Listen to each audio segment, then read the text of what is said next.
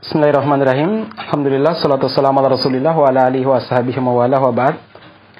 Teman-teman sekalian, di kesempatan kali ini kita masih melanjutkan kajian terkait tentang kaifa amalahum an Nabi sallallahu alaihi wasallam, bagaimana Nabi Muhammad sallallahu alaihi wasallam berinteraksi dengan orang-orang di sekitarnya, masih terkait tentang interaksi Nabi Muhammad sallallahu alaihi wasallam bersama dengan istri-istri beliau. Uh, jemaah sekalian, ada tiga poin yang ingin saya sampaikan di kesempatan kali ini. Yang pertama, dalam rangka membangun hubungan baik antara beliau dengan istri-istrinya, Nabi Muhammad SAW sering memberikan toleran, sering memberikan toleransi kepada istri-istrinya yang melakukan kesalahan. Di antaranya pernah ya suatu waktu Abu Bakar radhiyallahu anhu datang untuk menemui Rasulullah Shallallahu Alaihi Wasallam. Kebetulan pada saat itu Rasulullah di rumahnya ibunda Aisyah dan beliau mendengar suara Aisyah meninggi di hadapan Nabi. Begitu Abu Bakar masuk ke dalam rumah diizinkan oleh Nabi Muhammad SAW, beliau pun mendekat kepada Aisyah putri beliau dan berkata sedikit membentak, Ya Aisyah, dan lain, Wahai putrinya Umur Ruman, apakah layak kamu meninggikan suara di hadapan Nabi?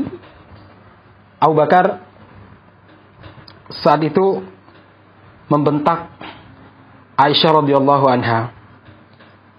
Nah, jemaah sekalian, kemudian Rasulullah SAW pun datang berdiri di antara Aisyah dengan Abu Bakar. Artinya beliau melindungi Aisyah radhiyallahu anha.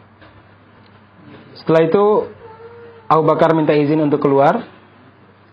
Keluarlah Abu Bakar.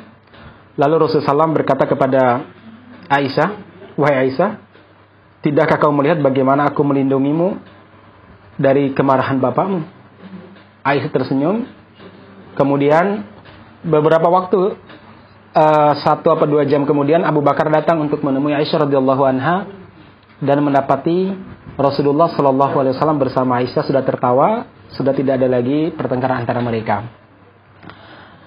Uh, jemaah sekalian, Nabi Muhammad Shallallahu Alaihi Wasallam juga memaafkan ketika sebagian istrinya menjauh dari beliau selama satu hari ada yang ngambek, ada yang apa istilahnya, mereka tidak mau bersama dengan Nabi selama satu hari ya wajarlah sebagai seorang perempuan mereka mengalami perasaan-perasaan yang kadang emosinya cukup tinggi sekali.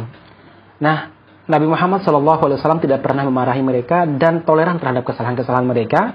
Namun, beliau tetap memberikan peringatan dan memberikan pelajaran kepada mereka agar tidak mengulangi perbuatan-perbuatan tersebut dengan cara yang sangat lembut dan sopan. Kemudian, yang kedua, jamaah sekalian, Nabi Muhammad SAW suka membantu istri beliau. Baik itu dalam pekerjaan rumahnya atau mungkin dalam hal-hal yang lain uh, Aisyah radhiyallahu anha pernah ditanya, apakah baginda Rasulullah Shallallahu alaihi wasallam membantu istri-istrinya di rumah? Aisyah mengatakan, sesungguhnya beliau Shallallahu alaihi wasallam menyibukkan diri membantu istrinya dalam pekerjaan rumah tangga. Ketika tiba waktu sholat, beliau berangkat sholat. Pulang dari sholat, beliau bantu istrinya.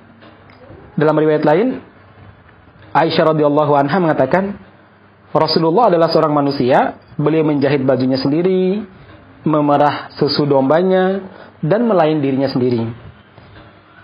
Nah, jemaah sekalian, Rasulullah Shallallahu Alaihi Wasallam tidak begitu membebani istri-istri beliau dengan pekerjaan rumah tangga atau untuk melayani dirinya. Walaupun melayani suami bagian daripada kewajiban seorang istri. Hanya saja antara hak dan kewajiban ini betul-betul dicontohkan oleh Nabi Muhammad Shallallahu Alaihi Wasallam.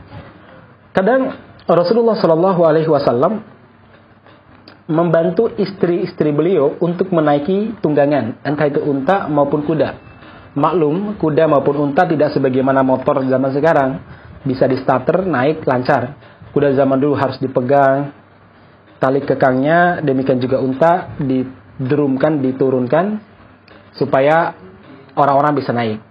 Nah, jemaah sekalian, Rasulullah Shallallahu Alaihi Wasallam selalu melakukan perbuatan-perbuatan tersebut untuk bisa membangun komunikasi yang baik dengan keluarga-keluarga beliau.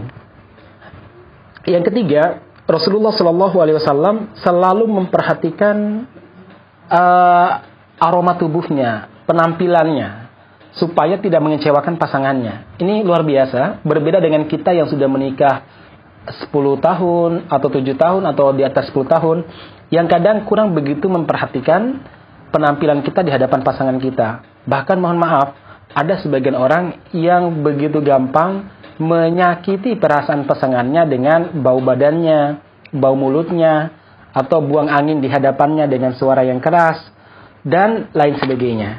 Nah, jemaah sekalian, uh, pernah ada salah seorang tabiin yang bernama Shuraih bin Hani bertanya kepada Rasul uh, kepada Aisyah radhiyallahu anha, apa hal pertama yang dilakukan Rasulullah begitu beliau masuk ke dalam rumah?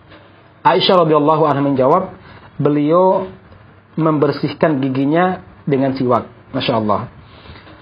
Cuma sekalian, bahkan Aisyah radhiyallahu anha mengatakan Rasulullah Shallallahu alaihi wasallam tidak pernah tidur baik pada siang maupun malam hari, kemudian bangun kecuali beliau pasti bersiwak sebelum beliau wudhu. Masya Allah. Jadi begitu beliau bangun tidur, tidur siang maupun tidur malam, beliau siwak sebelum beliau berwudhu. Bahkan uh, Aisyah radhiyallahu anha pernah mengatakan bahwa di antara perkara yang membuat Rasulullah wasallam kecewa adalah apa? Jika ada bau sedap yang keluar dari diri beliau. Beliau tidak senang sekali. Makanya baik uh, pakaiannya, keringatnya, beliau senantiasa menjaganya. Padahal kita ketahui Nabi Muhammad Wasallam memiliki keringat yang tidak bau. Nah, masyarakat muslimin yang mudah-mudahan dirahmati Allah Subhanahu Wa Taala, Beliau juga senantiasa berhias untuk istri-istri beliau, menyisir rambutnya, minyak, meminyaki rambutnya, kemudian beliau juga memakai wangi-wangian untuk membahagiakan istri beliau. Masyarakat muslimin yang mudah-mudahan dirahmati Allah Subhanahu wa taala, tiga perkara ini adalah salah satu cara Nabi Muhammad SAW membangun hubungan yang baik dengan istri-istri beliau. Sehingga beliau bersama dengan istrinya betul-betul mendapatkan sakinah, mawaddah warahmah. Kita sebagai seorang muslim tentunya tidak sekedar dituntut, dituntut untuk mengikuti Nabi pada sholat, dituntut untuk mengikuti Nabi saat haji maupun umroh. Tapi dalam bagaimana membangun hubungan, interaksi dengan pasangan kita, kita harus mengikuti Nabi Muhammad SAW. Mudah-mudahan tiga perkara ini bisa kita praktekkan, mulai dari memaafkan pasangan kita, kalau mereka berbuat salah, jangankan uh, pasangan kita, orang lain saja kita diperintahkan untuk memberi maaf kepada mereka. Dan jangan malu-malu untuk meminta maaf bagi pasangan yang berbuat salah. Kemudian yang kedua, bantulah pasangan Anda. Istri membantu suami, suami membantu istri. Seorang suami harus membantu istrinya di rumah, sebagaimana istri membantu suaminya agar bisa mencari nafkah dengan baik. Kemudian yang ketiga adalah apa? Selalu menjaga penampilan di hadapan pasangan. Jangan sampai kita menjaga penampilan hanya saat-saat awal-awal kita menikah, tidak. Tapi Rasulullah Wasallam sampai umur beliau 60 lebih bersama dengan istrinya yang 9 ataupun 10, beliau tetap menjaga uh, penampilan di hadapan istri-istri beliau. Mudah-mudahan ini bisa mencerahkan baik kita semuanya, terutama kita yang sudah berkeluarga. Barakallahu fikum ajma'in. Assalamualaikum warahmatullahi wabarakatuh.